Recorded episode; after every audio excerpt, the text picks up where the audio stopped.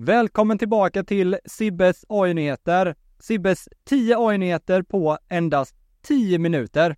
Förra veckan så hände det otroligt mycket och den här veckan så händer det ännu mer. Men fokuset denna veckan ligger verkligen på hur vi i framtiden och redan idag kan generera video med hjälp av olika AI-modeller där ute. Så det kommer vara en del av nyheterna denna veckan. Nu hoppar vi in i nyheterna. Vi börjar med nyhet nummer ett. Det här är ett nytt verktyg som heter Win.ai och det här är en ny AI-assistent inom sälj. Så den här modellen är med dig och lyssnar in i dina säljmöten du har med kunder, kollegor, vem det nu kan vara. Den tar anteckningar på dina möten. Den har också access till ditt CRM-system och kan fylla i allting som behövs för kunden och alla frågor du har ställt till din kund. Win AI kan även skriva dina offerter åt dig. Och om det är frågor som du glömmer bort att ställa på ditt säljmöte så kan den här AI även eh, säga till dig vilka frågor du ska komma ihåg att ställa. Så det här är ett otroligt verktyg som säljare kommer kunna använda för att effektivisera och lägga mer tid på att faktiskt sitta i möten med kunderna istället för att sitta och uppdatera CRM-system och skriva offerter. Så det ser vi väl alla fram emot, vi som jobbar med sälj, eller hur? Då hoppar vi in i nyhet nummer två. Meta har ju en egen AI-avdelning, vet vi ju sedan länge, och de har släppt mycket AI-nyheter senaste tiden. Nu släpper de en uppdatering på sin Seamless, som alltså är en speech recognition-modell. Så den här Seamless, säger Meta nu, ska kunna översätta språk och röst i realtid. Så att du ska kunna ha en konversation med vem som helst, oavsett språk, och Seamless ska alltså kunna översätta denna. Så det här är någonting som jag tror att Meta kommer att inkludera i deras metaverse. Så att när vi hoppar in i metaverse så kan vi ha dialoger i realtid med olika människor oavsett var de befinner sig någonstans i världen. Nyhet nummer tre. Stability AI har ju också slått på den stora AI-trumman och lanserar nya tjänster efter varandra och nya uppdateringar. Nu släpper Stability en uppdatering som de kallar, kallar för SDXL Turbo och det här är en bildgenereringsuppdatering som gör att när du promptar för att få fram en uppdaterad bild, då kommer den här kunna generera bilder i realtid medans du skriver din prompt. Så att om du backar tillbaka, byter ut din prompt, så uppdateras alltså bilden medans du skriver. Och det här är ju ganska häftigt tycker jag, för nu är det inte längre tiden det tar att generera bilden som är begränsningen, utan hur snabbt du kan skriva din prompt. Så det här kommer förändra hur vi genererar bilder och hur effektiva vi kan vara med just AI-genererade bilder i våra verksamheter. Nyhet nummer fyra. Det här är en till nyhet från Meta AI. De har nu släppt någonting som de säger har mänsklig nivå. Och det här är mänsklig nivå i spelet Diplomacy. Och det här är ju ett spel som handlar om att man ska kunna ha strategi. Man ska kunna förhandla och samarbeta med flera olika spelare för att komma framåt.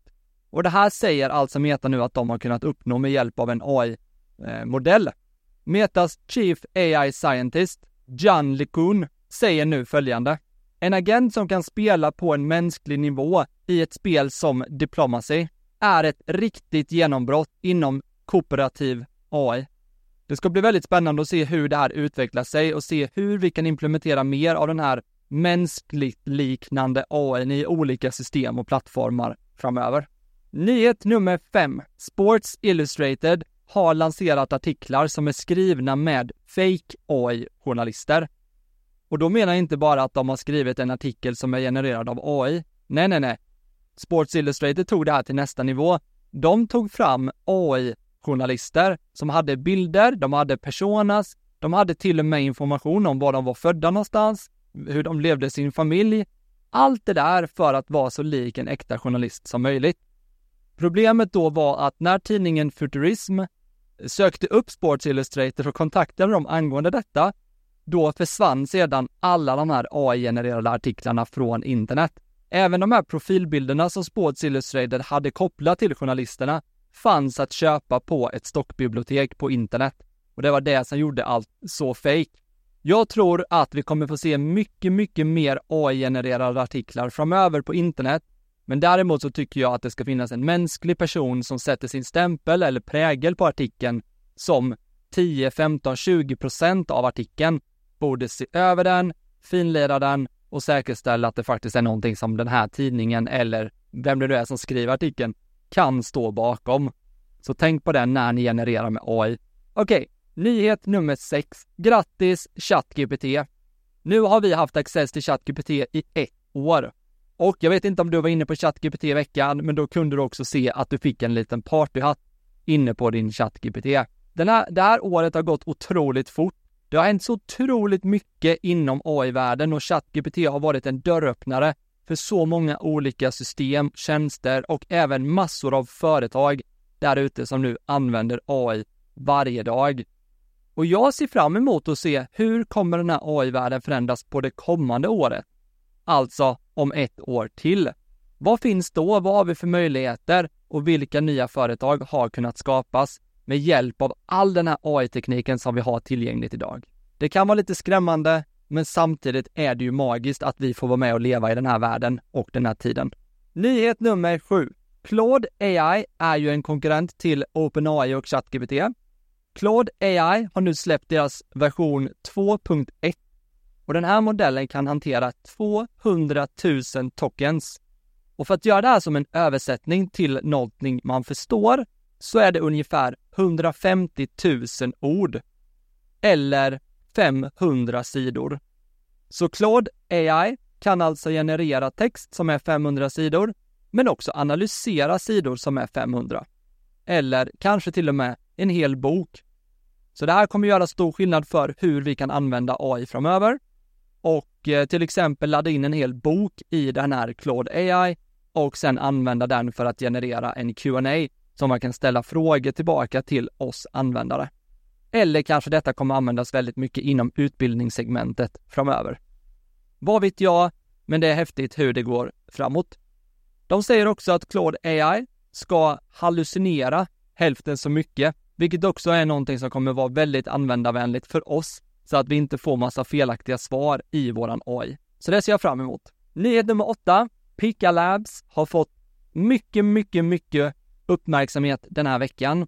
De lanserade sin idé till videogenerering eller text till video, för det handlar egentligen om att man skriver en prompt och det genererar till slut en video. Men det är inte allt som Pika Labs kan göra, utan du kan även ladda upp en bild och den använder bilden som referens.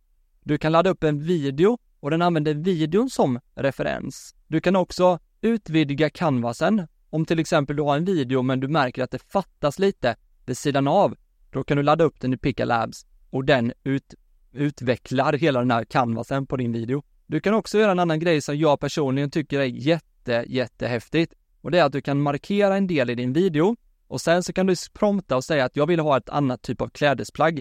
Eller jag vill att det ska vara en slips på den här. Jag vill lägga till en hatt. Jag vill ha nya glasögon. Allt det här kan du göra på din video i Pika Labs. Jag själv är på väntelistan nu så att jag har bara sett demon av denna, men jag tycker att det ska bli otroligt coolt att kunna testa denna när jag får access. Nyhet nummer 9. Nu pratar vi Tesla. Tesla har nu släppt sin version 12 av sin FSD och det här är mjukvaran för självkörande bilar. I version 12 så säger Elon Musk att den nu ska ha stöd för full självkörning, vilket egentligen gör att du inte ska behöva tänka på vägen, tänka på förhållandena runt om din bil, utan den ska kunna ta sig från A till B helt själv. Men i den här versionen så har de alltså släppt den till vissa utvalda anställda och de säger att de anställda ska ha full kontroll, de ska ha uppmärksamhet och de ska kunna ingripa och ta över bilen när som det behövs. Det här är den första versionen som förlitar sig 100% på Neural Net, alltså på data som kommer in via kameror och liknande och inte genom att man har hårdkodade scenarion som bilen ska bete sig efter. Så det här är någonting som är helt unikt och första gången. Så de tycker alltså att de har nu tillräckligt med data för att kunna göra den här smarta kalkyleringen och ta smarta beslut. Men de säger också att för att det verkligen ska klassificeras som full självkörning så måste FISDn själv ta ansvar för allting som sker med bilen. Föraren ska tillåtas att helt kunna koppla bort från vägen och göra någonting helt annat under bilfärden. Så det är full självkörning som nu är på väg och Elon Musk har sagt länge att det här är någonting som ska lanseras innan året är slut. Så vi får se om det kommer ut till användarna och hur det tas emot. Och framförallt så är det fortfarande ganska mycket kopplat kring lagarna i olika länder. Om det är okej okay att köra med det här eller inte. Nyhet nummer 10. ChatGPT har ju sagt att de ska lansera en GPT-store, men de lanserar nu inte denna som bestämt, utan de skjuter upp lanseringen till början på 2024 är vad de säger nu. Det är den sista informationen vi har. Och jag kan väl tänka mig att det har mycket att göra med den senaste tidens tumult hos OpenAI som har gjort att de inte riktigt har kunnat fokusera på utvecklingen utan på att verkligen säkerställa företagets framtid och att de har en styrelse på plats och en VD på plats. Sam Altman är tillbaka på OpenAI tillsammans med alla andra som tidigare lämnade under den här tumultveckan. Men nu är vi tillbaka, OpenAI verkar starkare än någonsin och de har mycket planer på hur vi kan utveckla AI framöver. Så det blir spännande att följa med och utveckla där. Detta var veckans 10 AI-nyheter. Jag är så glad för all feedback jag får på den här podden och att ni tycker att det är kul att lyssna på denna. Glöm inte att skicka ett meddelande till mig om du har några frågor, tankar, funderingar kring AI generellt eller hur vi kan utveckla den här podden. Jag hoppas du får en supertrevlig vecka och ha det så bra!